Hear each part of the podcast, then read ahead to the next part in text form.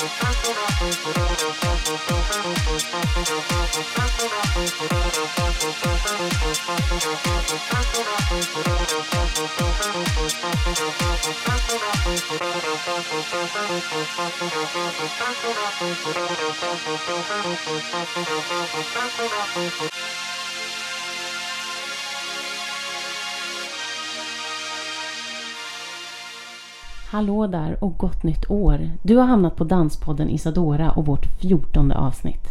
Podden där jag, Anita MTN, som är journalist och dansare pratar med dansare och koreografer som både intresserar och inspirerar. Och den här gången så har jag träffat Matilda Fleberg. Hon är avsnittets gäst och hon är sannerligen bägge delar. Hon är intressant och inspirerande. Och hon är blott 22 år och redan idag ett hett namn som dansare och koreograf och så undervisar hon däremellan. Hon har jobbat med program som X-Factor, Idol och Sommarkrysset och så koreograferade hon Sara Larssons sommarturné 2015. När man pratar med folk som känner Matilda om henne så får de något beundrande i blicken och det är faktiskt genomgående. Jag tror inte jag har stött på någon som inte har blivit lite stjärnögd. Hon berättar om hur hon förbereder sig för framtiden och drömjobben som kommer att trilla in då. Och om när hon bestämde sig för att dans var det hon skulle syssla med. Men ha med er att hon är 22 återigen. Visdom är inget som följer med ålder skulle jag säga. Häng med nu, för nu öppnar vi dörren för Matilda Fleberg. Nu sitter jag här med Matilda Fleberg som jag är dundernyfiken på. Och varför hon är här kommer ni att förstå. Men min ingång är att jag har tagit klass för henne för ett par år sedan var det. Det var jazzfunk på ett ställe i stan. Och Matilda hoppade in och vickade och jag tror att du var ganska ny då, mm. Eh, relativt. Och sen dess så har jag liksom inte tagit så många klasser för henne, men jag har sett henne gå från klarhet till klarhet och liksom hamna högre och högre på någon slags piedestal, skulle jag säga. och hon har både dansat och koreograferat eh, för artister och sina egna tidigare lärare. I Melodifestivalen och på shower och galor i tv-program och jag minns Pride också 2014 och så. Men eh, jag kommer att låta Matilda själv berätta om vem hon är. Välkommen förresten. Tack så mycket. Gud, jag blir alltid lite så här eh, handlingsförlamad när jag ska berätta om mig själv. För det, jag vet inte, det känns alltid som att det finns så mycket att säga men också typ ingenting alls. Men eh, jag är 22 Eh, jag skulle beskriva mig som en eh, ganska neurotisk och ambitiös person eh, som tycker väldigt mycket om att dansa. Och jag har ju lärt mig i princip allt jag kan i dans av Jenny Widegren som har varit min mentor i ganska många år. Och det är väl hon som har gett mig liksom i princip alla möjligheter som har tagit mig dit jag är idag. Så det är väl en eh, liten kort beskrivning skulle jag säga. En kort beskrivning. ja. Varifrån är du? Är du född här i Stockholm? Jag är född och uppväxt i Stockholm. Okay. Så jag har alltid bott vid Hötorget, så jag är riktigt så här, uh, city bird. Så det har alltid varit väldigt uh, bekvämt för mig. Eh, mm. Alltid nära att ta sig liksom. Förutom när jag började dansa för Jenny och hon höll till på en skola i Täby som heter Sway. Då var det lite, lite åkande fram och tillbaka. Men eh, mm, annars har jag alltid haft det ganska bekvämt för min boendesituation. Liksom. Vad har du mm. gått för utbildning? När började du att dansa? Alltså jag började dansa när jag var åtta. Och då var det mycket sådär som alla små tjejer gör. Att man går så på barndans och så ballett. Och jag var ju fast eh, besluten att jag skulle bli ballerina. Men eh, när jag började dansa så kände jag, nej det här var ju inte alls kul. Så då slutade jag. Sen några år senare så testade jag igen och bara nej, jag tycker fortfarande det är jättetråkigt. Varför ville du bli ballerina? Mm, jag tror bara att jag tyckte det var så här, äh, ja, som äh, många andra så här, små tjejer tycker, så här, men de ser ut som prinsessor, de har alltid rosa på sig och de har så himla fina kjolar och man hade någon äh, slags drömbild av vad ballett är liksom. Men jag, jag tappade liksom intresset ganska, ganska snabbt. Men sen precis som jättemånga andra dansare så kollade jag jättemycket så på MTV och musikvideor och så bara vad är det de dansar? Så här, det där är inte balett. Men jag visste ju liksom inte vad, vad namnet på stilen var. Men sen eh, så hittade jag ändå liksom eh, hiphopen och jazzfunken av någon anledning. då blev jag hooked. Så jag började liksom ta hobbyklasser och sånt på Balettakademin.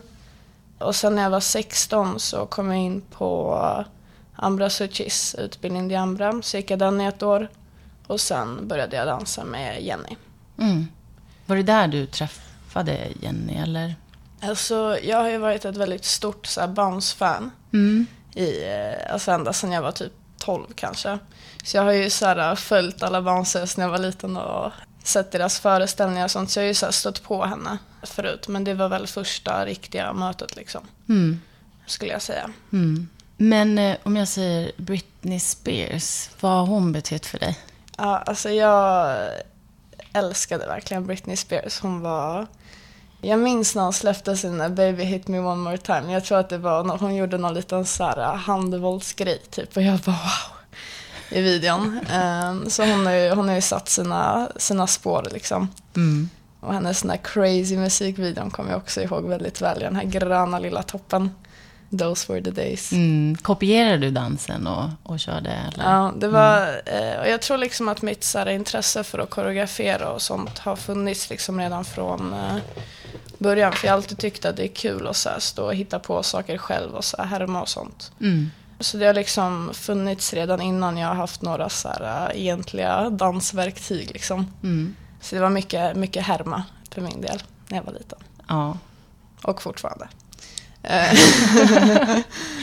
ja, men vilka inspireras du av idag? Det finns så himla många. För jag är riktigt så YouTube-nörd. Så jag sitter ju jämt och så här, äh, letar dansare och koreografer. Så det känns som att jag typ kan hela YouTube utan till. Och det finns ju så himla, himla många som är bra. Men jag inspireras väldigt mycket av en tjej som heter Paris Goebel som är från Nya Zeeland. Och en grupp som heter Shit Kings som är från Japan. Men det finns liksom så himla, himla många. Och så finns det en tjej som heter Emma Portner också som är väldigt, eh, som ligger mig väldigt varmt om hjärtat. Mm. Är hon från So You Think You Can Dance? Nej, jag tror faktiskt inte hon har varit med där. Jag tror att hon är, om jag inte missminner mig, så är hon från Kanada. Men jag är faktiskt inte säker om hon har varit med. Det kan faktiskt hända att hon har varit med, men jag vet inte. Jag tänkte vi kan lägga upp en video med hennes dans till exempel till Justin Bieber. Mm. Som jag vet att du delade Ja. och som jag blev jättefascinerad av. Men den Mm. skulle jag säga var ganska modern. Ja, Känner du att du korsbefruktar, som, som är ganska inne nu skulle jag säga, mm. street med modern och moderna influenser? Nej, men jag, jag har ehm, alltid ett så här, jag har alltid haft ett ganska eh, starkt behov av att så här, försöka hitta nya eh, sätt att uttrycka mig på. Liksom. Och jag, jag tycker det är väldigt, alltså jag älskar dans liksom, i alla, alla former oavsett stilar. Liksom. Även om jag inte så här, riktigt behärskar så här, modern dans eller är liksom någon så här, teknisk dansare så även om jag har tränat mycket jazz och sånt där i mina dagar så skulle jag liksom inte säga att jag är en sån typ av dansare. Men jag tycker ändå att det är väldigt kul att titta på den typen av dans också. Jag tycker att det finns liksom jättemycket inspiration att hämta. För det blir så himla tråkigt när man bara så här snör in sig i ett område kan jag tycka. Så jag försöker ändå vidga mina vyer eh, lite. Men är det så att du känner att du måste behärska, säg hiphop eller streetområdet innan du kan bege dig utanför det? Eller? Mm. Hmm, vilken svår fråga. Men det där, är, det där är svårt för att jag skulle samtidigt också inte riktigt definiera mig som en så här hiphop-dansare heller. Även fast det är liksom det jag är, ehm, är bäst på. Mm. Vad skulle du definiera dig som? Eh, Jag vet inte, något, eh, något litet krimskrams eh, däremellan. För jag, jag tycker ofta så att eh, när jag är med folk som är så här, ja, men, riktiga så här, hiphop-dansare så känner jag mig liksom inte alls som det. Men sen när man är med folk som håller på med jazz och modern så känner jag mig inte alls som det heller. Så jag känner mig som något slags mellanting. Men det är ganska okej tycker jag också. Så det, det, det rör mig inte så jättemycket. Men jag tänker att det kanske är så det ser ut i framtiden. Mm. Lite grann. Alltså att man inte håller sig inom att man är jazzdansare eller Ja, klassisk dansare, utan att man är... Mm. Ja, men för det känns ju som att det har hänt väldigt mycket så här, äh, senaste åren. Liksom, att det är mycket så här, äh, gränser som har sprängts. Liksom, att folk inte blir så här, satta i fack på samma sätt. Mm. Jag tror nog ändå att det är ganska många som känner likadant som mig. Att de inte så kan definiera sig vid en specifik stil. Liksom. Och det har ju både sina för och nackdelar. Liksom. Att det är kanske många som ändå så här, äh, tappar så lite viktiga grunder. Men samtidigt så tycker jag att det är, det är kul att folk känner sig fria och så här, utforska annat och nytt. Liksom. Ser man på mode och musik och sådär så är det också mycket mer luddigt vad gäller genrer och så idag. Skulle jag i alla fall säga. Att man mm. är inte alls lika mycket... Eller man kanske inte har ett sam, samma behov att sätta sig i fack. Ja, men exakt. Så här, jag är punkare eller jag mm. är det. Utan vi vill vara mycket mer fria där. Ja, men exakt. Eventuellt. Och vad det beror på, det Ja. Högst oklart. Ja, precis. Vad tror du? ja. Om du ser till dig själv och de du umgås med, eller? Alltså, det känns ju som att det är så här... Um, för mig har det varit liksom mycket bara så, här, så som jag är som person. Jag är ganska mycket så här, ensamvarg. Och, alltså, jag, jag har mycket liksom, nära vänner, men jag tycker om att så här, byta byta folk jag umgås med, byta folk jag dansar med. Och så här, bara för att jag, jag tycker alltid det är roligt att förändra sin miljö. Liksom. Så för min del har det alltid varit liksom, att jag har en eh, stark, eh, ett starkt behov av att ja, men, bara byta miljö och byta liksom, intryck runt omkring mig. Liksom. Mm. Um, jag, jag, vet inte, jag tror att det kanske inte är så för alla, men för mig är det i alla fall mm. det det beror på tror jag. Ja. Så det skulle man också kunna säga utmärker dig. Dels att du inte känner dig genrad eller att du är i en ett visst fack. Mm. Och sen att du gärna tar inspiration av mm. nya människor och mm. miljöer, musik, ja. Mm. annat. Ja, det var bra. Bra sagt. Det är uppfångat. Jag vet, du kan gärna ta... Finns det något mer, tror du, som utmärker dig? Vad säger andra? Jag tror att folk eh, brukar uppfatta mig som ganska så här, eh, nördig när det kommer till min dans. Jag är väldigt... Eh, jag har en eh, tendens att så här, snöa in mig på saker. Så folk brukar säga att jag är ganska nördig. Och det, det är någonting som jag har tänkt på. Att det, jag tror liksom att det bara är det som har gjort att jag är bra. För jag, jag har liksom aldrig haft någon så här, talang för dans riktigt. Det låter kanske så här, äh, som att det är någonting som alla säger. Men jag har alltid jag, jag, tror liksom inte att jag är så född till att dansa eller skapa liksom. Men för jag, jag, jag har aldrig känt liksom att jag har så förutsättningarna så fysiskt riktigt för att så dansa. Men äh, när jag väl äh, fann min passion till dans så var jag väldigt så här, fast benägen med att så här, nej, men jag ska hålla på med det här. Eh, och det fanns liksom aldrig något, så här, eh, något annat alternativ. Och det var liksom aldrig så här att saker kom av sig självt utan det var bara liksom att jag så här, eh, nördade ner mig verkligen jätte, jättehårt. Både liksom i min egen dans men också så här, med koreograferandet. Att jag började ja, men, kolla på massa klipp och så här, blev väldigt så analytisk. I, så här, ja men jag tycker det här numret är fett bra, så här, men varför tycker jag att det är bra? Så började jag liksom försöka så här, hitta allting som jag tycker så här, äh, gör nummer bra och försöka applicera det till mina egna saker. Mm. Nu blev det ett litet sidospår. Nej men det är uh, jätteintressant. För det, mm. det är också en del. Du är, du är ganska analytisk vad gäller mm. och strukturerad. Ja men exakt. Mm. Och det är roligt för att när jag, när jag koreograferar för jag tycker det är väldigt kul att prata med andra som koreograferar om deras skapande process. För att det ser alltid väldigt olika ut. Mm. Eh, och när jag koreograferar så majoriteten av tiden så sitter jag liksom bara på golvet och typ så blundar och försöker se saker framför mig. Jag rör mig knappt. För att jag, jag ser liksom allting i så bilder och formationer först och så kommer liksom stegen sist. Medan många andra är så här, ah, nej men jag, jag freestylar lite och så får jag se vad det blir. Men jag kan inte göra så. För att jag måste liksom, det är mycket så jag sitter med ett anteckningsblock och så här ritar kryss och så här, bara här ska det komma en liten kanon och så ska de gå i en cirkel och så får liksom stegen komma sig i sista hand typ. För jag, för jag tycker ofta att just när det kommer till att göra nummer så är liksom inte stegen det som avgör om numret är bra eller inte. Men det är också bara en så smaksak skulle jag säga. Vad tycker du är avgörande för om numret blir bra? För mig är det alltid viktigt att man så här, eh, fångar eh, så här, essensen av låten. För jag, eller sen beror det ju på, liksom, man kanske inte har någon musik till sitt nummer som man har gjort. Men om det är ett nummer med musik eh, så tycker jag liksom att det är, Det är viktigt att man har fångat eh, låtens liksom, eh, budskap. Och sen behöver det liksom inte vara så här, någon djup mening. Så det kan ju också vara så här, en poplåt som bara är så glad och svängig. Liksom. Men jag brukar alltid lyssna liksom väldigt, väldigt mycket på låten. Och då menar jag så att jag sitter och lyssnar liksom hela dagarna i typ så fyra dagar. Och sen bara, nej men nu är jag nog redo för att kanske börja göra någonting. Så det tycker jag är viktigt. Är det många som arbetar som du?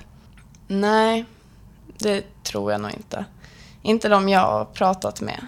Men sen, har jag liksom, men sen tycker jag att det, fin, alltså det finns ju jättemånga bra koreografer liksom i Stockholm. Mm. Eh, som är väldigt, väldigt bra på just det som jag tycker är viktigt med att man fångar liksom the essence of the song. Mm. Men eh, det känns som att de ofta har andra tillvägagångssätt än mig. Och det är intressant tycker jag. Och jag tycker det är jättekul att så koreografera med andra. Det tycker jag är jätte, jätte, jätte, jätte, jätte roligt. Och då får man ju också, så här, äh, då får man också så här, tvingas ut från sin lilla trygghetszon som i mitt fall är liksom så här, sitta där med mitt anteckningsblock och anteckna frenetiskt. Skulle du kalla dig själv dansare eller koreograf? Eh, jag skulle säga att jag är bägge delarna faktiskt. För jag tycker att det är roligt att kombinera dem. Jag tycker till exempel inte om att dansa mina egna koreografier. Så när jag koreograferar så väljer jag oftast att jag inte dansar själv. Men överlag så tycker jag att det är roligt att hålla på både med så dans och koreografi för att man får eh, så himla olika saker mm. av att göra båda. För att när man koreograferar så är det ju väldigt mycket att man ehm, man har ju så himla mycket ansvar så här, för att ja, man gör ett så här, nummer som är bra, man ska lära ut och så måste man lösa saker på plats och se till att det är dansarna förstår och det blir som man har tänkt. Men sen när man väl har lärt ut allting så har man liksom inget ansvar kvar annat än att bara sitta och bara nej men jag vill att din arm är lite högre. Mm. Um, så då, då är det väldigt så här, soft och trevligt liksom. Mm. Men vägen dit är ju ofta väldigt så här, uh, ångestladdad och jobbig för att man får ju så här, prestationsångest så man vill ju att det ska vara bra och mm. sånt där. Medan som dansare så har man ju liksom inget annat ansvar än att göra det man blir tillsagd liksom, och dansa bra. Mm. Och det kan ju vara skönt, men också väldigt så, ångestladdat för att man vill ju dansa bra. Det är ju inte alltid lätt att dansa bra heller. Mm. Så båda delarna har liksom eh, sina guldkorn tycker jag. Mm. Och jag tror att om jag bara hade koreograferat så hade jag kanske inte tyckt att det var kul. Om jag bara hade dansat hade jag nog inte tyckt att det var lika kul. Liksom. Så jag tycker de kompletterar varandra väldigt eh, bra. Mm. Undervisar du också? Ja, inte lika mycket som eh, förut, men eh, lite grann. Mm. Och det är kul, tycker mm. jag. The Sugar Collective, är du med i den konstellationen? Jag var med och grundade och var med liksom hela första året. Men eh, nu är jag inte med längre. Mm. För att jag kände att det var... Jag, jag tycker om att vara ensam, som sagt. Mm. Och vara så fri i allt jag gör. Men eh, det var en väldigt kul period när vi, vi höll på med The Sugar Collective och jag, jag är fortfarande vän med alla och så här, eh, ett väldigt stort fan av allt de gör liksom. Så det är liksom inga, ingen dramatik så utan bara med att jag kände att jag ville vara på egen hand. Mm. Men idag, hur är det då? För nu, jag tänkte definiera det som att du så här mest mästrar dina mästare idag. men, eh, men eftersom du faktiskt koreograferar dina tidigare lärare till exempel, mm. tar koreografi för dig idag. Mm. Det, det är en jättemärklig känsla. Det har verkligen varit jätte, jätte, jätte, jättemärkligt. Och, för det var, det var ju typ för ett år sedan ungefär som jag började jobba som koreograf på riktigt sen jag fick eh, koreografera till julgalan. Och det det, det var väldigt så här, um, det var en så himla surrealistisk känsla uh, på första repet när jag stod där liksom med så här, uh, bara massa dansare som jag har sett upp till sen jag liksom började med dans och som uh, har lärt mig typ i princip allt jag kan och det var det var, ju, alltså det var ju väldigt kul. Jag kände, jag kände och känner mig fortfarande jätte, jätte, jätte, jätte ärad att få ha så grymma dansare omkring mig. Men det är så här, det, man får ju så himla mycket prestationsångest för att man vill ju eh, skapa saker som gör deras dans rättvisa också, kan jag tycka. För för mig är alltid så här, uh, koreografi, um, det är viktigt att det, det, blir kvalitet liksom, för att det känns som att um, det är lätt hänt att man bara, ah, nej men uh, Jag har lite kort om tid, jag slänger ihop lite så här step touch och lite klapp, klapp, klapp. Men jag, jag vill alltid ha liksom ambitionen, att, ambitionen att oavsett hur lång tid jag har på mig att göra ett nummer så vill jag alltid att det är, det är liksom utmanande för dansarna så att de ändå känner att de, eh, de också får växa och så här, eh, ta tillvara på sin talang. Liksom. Och att det ändå blir liksom en visuell upplevelse för de som tittar. Eh, Det tycker jag är viktigt. På reaktionerna som, alltså de jag har sett i alla fall på Facebook och liknande, av dina koreografier, så är det ju väldigt mycket så. Det känns som att du både ser dansarna och deras potential, att du har en idé som bottnar, som är ganska grundad.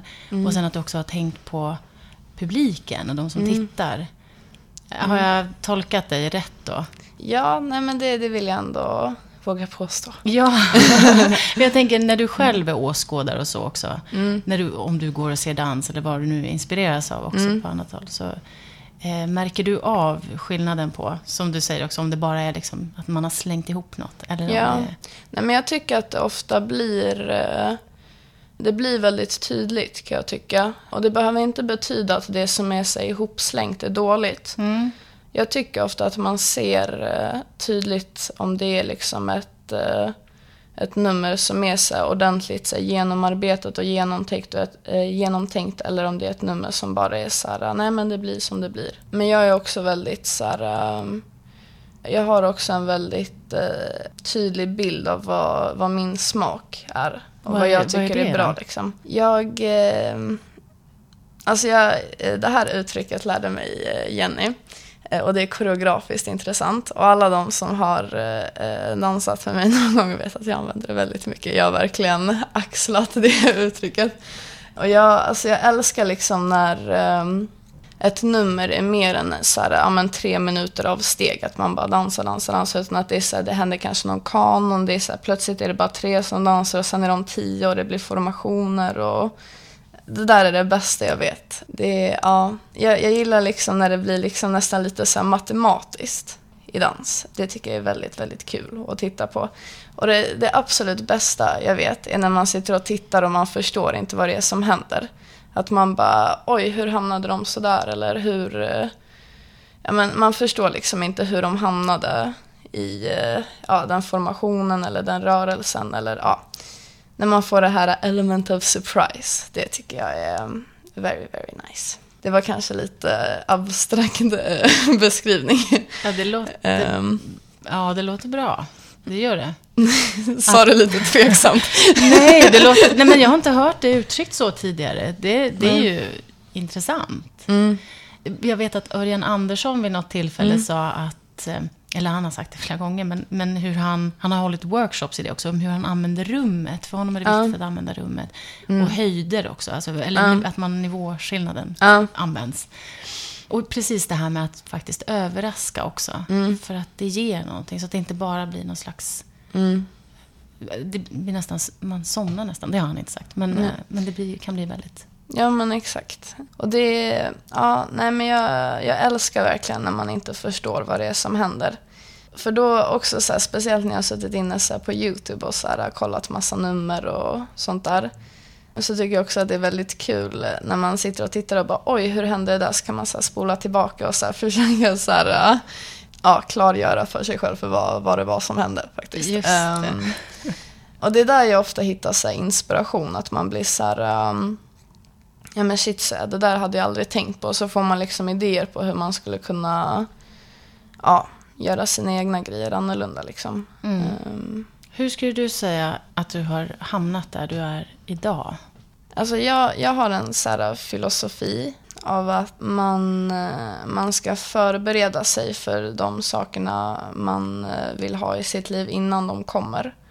Ja, men det menar jag till exempel att så här, för min, eh, min största dröm var liksom väldigt länge så bara, nej, men jag vill koreografera till artister, jag skulle vilja koreografera till Melodifestivalen, jag skulle vilja ja, men bara så här, skapa dans och kunna så här, fråga så här, de danserna som jag tycker är så här, absolut bäst till att så här, dansa mina saker. Eh, och då är det ju väldigt lätt att när man är liksom i den fasen där man fortfarande så här, utvecklas och tränar och bara så här, sitter och drömmer på sitt rum att man så här, sit, hamnar i liksom något slags eh, väntanläge.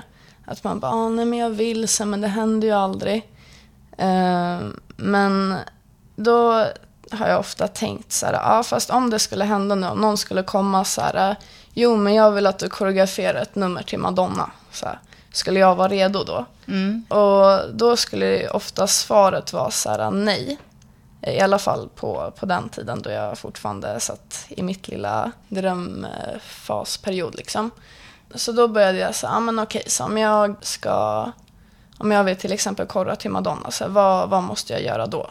Eh, då skulle man ju till exempel behöva så här, eh, vara kapabel till att göra ett helt nummer som är lite nytänkande och häftigt och så här, eh, allmänt fett bara. Mm. Så då började jag liksom um, ja, men så här, koreografera nummer så här, bara för skojs skull och så här, testade på kompisar och började så här, filma saker och lägga upp. Och då visar man ju liksom också så här, lite att man uh, finns. För det, jag kan ju så här, sitta och koreografera hur mycket som helst på mitt rum och vara jätte, jättebra men det är ingen som kommer veta det såvida jag inte visar det för någon. Liksom. Mm. Så jag gjorde det väldigt mycket och sen um, och då upptäckte Jenny efter ett tag mitt lilla koreografiintresse. Mm. Så då fick, då fick jag börja assistera henne och följa med henne när hon så här, koreograferade till X-Factor och så här, Eurovision och ja, men, så här, till olika artister och sånt där. Så jag fick så här, skugga henne lite och vara med när hon koreograferade och sen när hon liksom började jobba med danserna och lära ut materialet och lära artisterna och sånt där.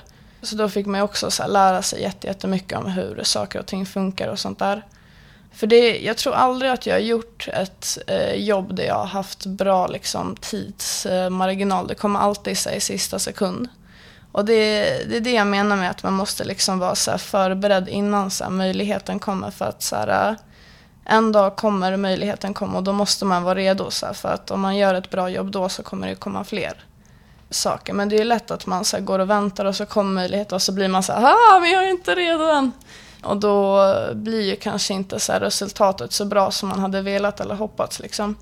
Och så har jag varit liksom både med mitt koreograferande och min dans. Liksom, att jag har försökt så här, eh, förbereda mig själv innan det har varit dags. Typ, och inte så här, eh, väntat på att någon kommer och frågar mig att ah, nej, men vill du dansa bakom den här artisten. Utan då har jag varit så här, ah, men om jag ska bli bakgrundsdanser, då måste jag bli bättre på det här och det här och det här. Så jag har sett till att bli bättre. Så när det väl har varit dags så har jag varit redo. Då låter det som att du nästan har styrt också dit. Du är målinriktad och vet så här, men det kommer att komma. Mm. För jag jobbar med ditåt. Ja, alltså det har ju liksom inte alltid känts självklart. Det, har, det har ju varit jättemånga gånger som man bara har varit så här, bara, nej men det kommer nog ändå aldrig hända. Man bara har känt sig så trött liksom för att det känns som att man har så jobbat så himla hårt men det går mm. så himla långsamt. Och... Ja. Men för mig har det liksom verkligen aldrig funnits ett annat alternativ än att dansa. Förutom när jag var där åtta och ville inte dansa balett. Men, men ända sedan jag bestämde mig för liksom dans så har det liksom aldrig funnits någon så ah, men vad ska jag göra ifall det inte går? Utan det har bara varit så ja, men det måste gå för att jag, jag kan inte se mig själv göra någonting annat. Liksom. Ja. Försörjer du dig på dansen? Mm, idag gör jag det. Så det känns väldigt, väldigt bra. Och jag känner mig fortfarande väldigt så här... Um, jag tycker fortfarande att allting bara känns väldigt så här, overkligt. Men high five på att du gör det. Du är 22 och du försörjer dig som dansare och koreograf. Ja, det är väldigt fett. Ja, det, är det. Eh, det, det tycker jag också faktiskt. Men då, då kommer jag ställa en sista fråga om du inte har något mer där. Men jag vill veta vart du är på väg. För jag menar, du är nästan på topp nu. Mm. Det, det, är så svårt att säga för att jag har ju så himla mycket olika saker som jag vill göra. Men jag, eh, alltså jag vill ju bli bäst på, på allt jag gör. Och i framtiden så skulle jag ändå vilja så här, um, vara verksam liksom utanför Sverige skulle jag tycka var kul. Och jobba med liksom, uh, lite internationella artister. Skulle jag vilja sätta upp en egen föreställning. Så jag har ju väldigt mycket, väldigt mycket drömmar och visioner kvar. Så vi, vi får se vart uh, vindarna för mig, tänker jag. Det är jättebra att du svarar på det här med drömmar också, för det var också mm. en fråga. Så här, har du några drömmar som du skulle vilja berätta? Jätte, jättemånga drömmar. Men, um, men drömmar, men de är ändå så här inom en verklighetszon för dig? Alltså det är så här, de är drömmar, men när de händer så kommer det liksom att, då kommer jag stå där redo. Mm. Ja, men det, det tänker jag nog. Men eh, det, det är fortfarande så här... Um, jag, jag skulle liksom till exempel jättegärna vilja så här, koreografera till typ så här, eh, Beyoncé och alla de här uh, big shots. Um, eller typ så jag har också alltid haft en dröm om att så här, koreografera till Surfing You Can Dance. Och det känns ju så här, idag när jag sitter och pratar om det så känns det ju så här, jätte, jätte, jätte, jätte avlägset liksom. Men um, jag har ändå liksom en um, väldigt uh, stark tro i att om man om man är så dedikerad i det man gör och lägger ner det arbete som uh, som krävs och man håller sig liksom målinriktad så kommer liksom saker falla på plats. Mm. Och den tanken lugnar mig lite. Eh, för annars hade jag bara, ja det kommer aldrig hända.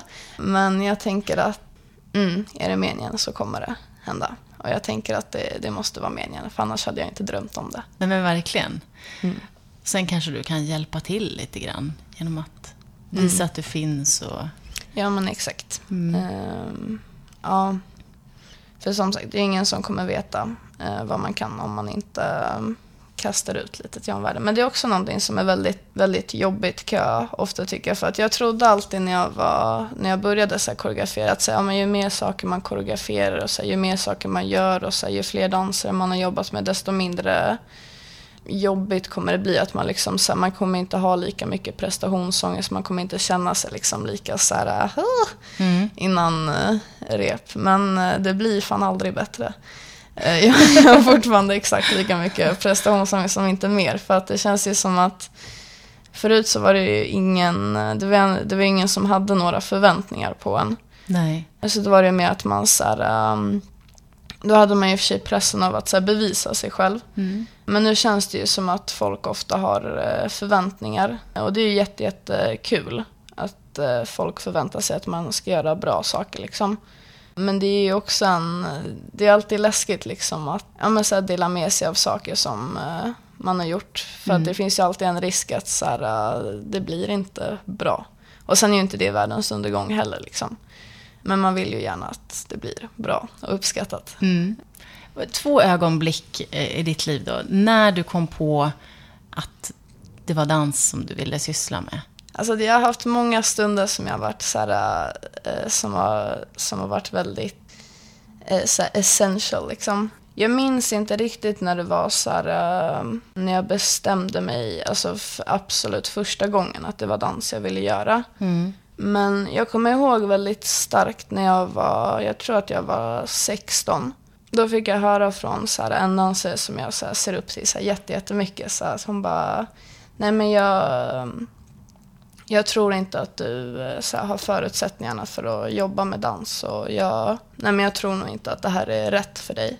Mm. Um, och det tog väldigt, eh, väldigt hårt på mig såklart. För det var det var verkligen en så här, som jag såg upp till jättemycket.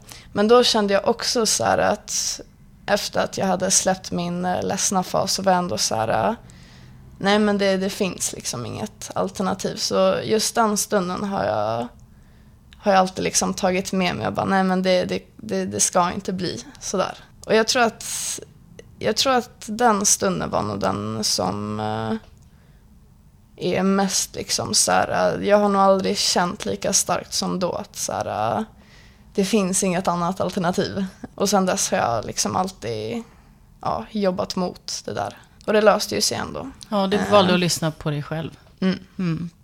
Det andra ögonblicket då, när det verkligen har funkat så här perfekt i en koreografi som du har gjort mm. eller så? Det var nog uh, när jag koreograferade ett öppningsnummer till julgalan förra året. För då fick jag, det var liksom bara, det var bara ett dansnummer så det var ingen artist som skulle vara med och dansa. Utan då var det liksom bara tio dansare och så fick jag göra så här, ja men gör vad du vill. Och det var, det var första gången som jag liksom jobbade med så här, alla de här som jag haft som lärare och sådär. Och jag, jag var så himla nervös. Eh, innan. Det var verkligen så här, äh, det var, det, ah, det var verkligen så obeskrivlig ångest och stress. För att det var, jag ville verkligen så här, äh, jag var nu, det är nu stunden är här. Ja. Så, äh, så då hade jag suttit där så här, med mina anteckningar och så här, gjort ett riktigt så här, koreografiskt intressant kaos vill jag kalla det. Mm. Och, och då var det också så här första repet, så här, för det är det här som jag tycker är läskigt liksom, när man koreograferar. Eh, för att det ser bra ut i ens huvud, men sen vet man liksom aldrig riktigt hur det blir förrän man ser det på riktigt Mm. med, eh, med danserna. Så det finns ju liksom alltid en så risk att man står där och bara, nej men det här blev inte som jag hade tänkt och det är dåligt. Mm. Men eh, just, eh, just den gången så var det så häftigt för att när jag, när jag hade lärt ut det så bara, det ser liksom bättre ut än vad jag, jag hade tänkt. Åh. Eh, och, det var, och det var en väldigt eh, häftig känsla och så fick jag liksom väldigt, eh, väldigt bra respons på just det numret. Och det känns som att det numret blev liksom det som eh, satte igång min koreografikarriär. Mm. Så det var också en sån där stund som jag bara, yeah, jag valde rätt. Ja. Har du någon sån på gång nu då? Ja, alltså det är liksom, eh, det är lite mycket saker som är lite så här, eh, lite oklart. eh, Som inte är helt spikat. Så jag, jag, jag får se. Men jag tänker att det är säkert någonting som, det kommer alltid saker som poppar upp, tänker jag.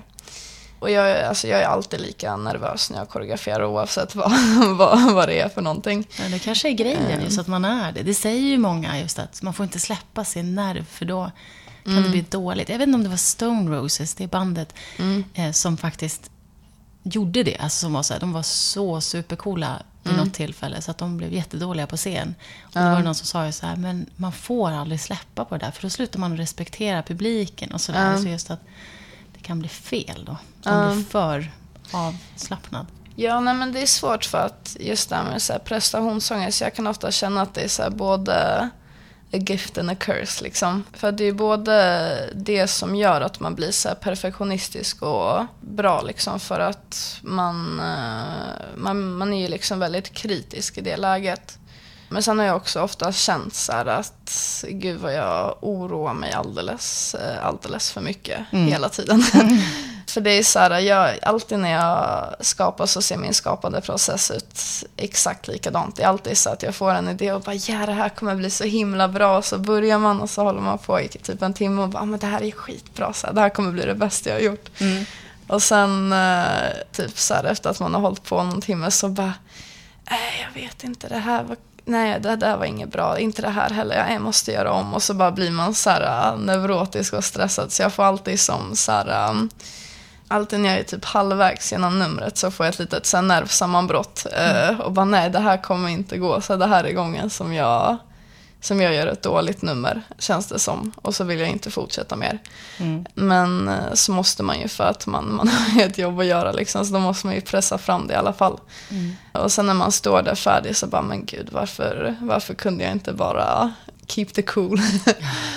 men så där är det alltid, att det känns som att så här, äh, det här är kanske gången som det inte blir bra. Och det är en jobbig känsla liksom. Men handlar det om att man vill utvecklas, att du vill utvecklas? Ja, exakt. Jag, eh, jag har ju alltid en så här, äh, tanke om att så här, varje sak jag gör ska bli bättre än den förra. Och ibland är det ju svårt, liksom, för ibland har man ju liksom inte förutsättningarna för att göra ett nummer som är bättre än ens tidigare. Och det kan ju, det kan ju bero på massa olika saker. Det kanske är en så här... Eh, nej men att det är en låt som kanske inte så här, eh, är en låt som behöver liksom värsta, värsta numret. Utan då är det kanske bättre att bara ha ett så här step touch nummer för att den låten är liksom lite mer åt det lättsamma hållet. Och då blir det ju bara fel om man så här koreograferar sönder det. Alltså det är någonting jag har lärt mig liksom ändå. Att man kan inte alltid sätta samma krav på sig själv i allt man gör. För att det, det går inte. Det är orimligt. Ja, men du är ju klok. det verkar som att du har brottats med en hel del sådana här tankar och så kanske Ja, du har gud, haft ja. bra folk att prata med också. Mm. Som har inspirerat och men- Ja. mentorerat dig och så. Ja men verkligen. Alltså jag, jag känner mig så himla lyckligt lottad eh, över att ha liksom alla de som jag haft som lärare och alla de eh, dansarna som jag har jobbat med och folk jag har runt omkring mig. För jag, jag är ändå ganska så här, ehm, jag är ganska öppen med min prestationsångest. Så ofta när jag får mina, mina dippar så brukar jag så här, eh, ja, men, eh, berätta för folk och då känns det alltid mycket mycket bättre för att folk är alltid väldigt uppmuntrande och så bara, nej men så här säger du varje gång och det blir alltid bra sen liksom. Nej men och jag, och jag är verkligen eh, väldigt, väldigt eh, tacksam över de, över de människorna som jag har runt omkring mig för att utan dem så hade det liksom inte, då tror jag liksom inte att jag hade haft den framgången som jag har haft. Mm. För jag tycker att det är, nej men det är så himla viktigt att man är omringad av folk som ger en så bra energi och så inspiration. Och, Mm. och det är ofta jag känner liksom att de jag har dansat med eller de som jag har koreograferat till är liksom bättre än jag. Det är också en väldigt nice känsla kan jag tycka, att man blir så här, äh, man blir så himla motiverad till att så här, äh, överträffa sig själv och pusha sig själv till att komma till deras nivå. Liksom. Så det är, mm, det är väldigt eh, givande, tycker jag. Var ser vi dig 2016 nu då? Nämn ett ställe. Melodifestivalen. Melodifestivalen. Vad härligt. Lycka till Matilda. Tack så mycket. Och vi ses. Det gör vi. Hej igen! Du har lyssnat igenom avsnitt 14 av Danspodden Isadora. Och vi som gör den heter Niklas Reimertz och jag Anita MTN. Vill du ge oss feedback eller tips eller annat så kan du mejla oss på isadorapodd.gmail.com eller följa oss på Facebook eller Twitter. Och på Insta heter vi Isadorapodden med ett D. Vill du ha en lite smidigare vardag som jag brukar säga så kan du prenumerera på oss på iTunes så slipper du hålla koll på när vi kommer ut och du kan även lyssna direkt på oss i Soundcloud eller i Acast. Jag tänkte att vi skulle avsluta med att konstatera att bra dansare är inte bra på grund av sin teknik. De är bra på grund av sin passion. Och så vill jag citera Fred Astaire som krasst konstaterade att dansa är ett svettigt jobb. Det kan vi ju alla skriva under på. Ha en fin fin start på 2016 nu och sluta aldrig dansa.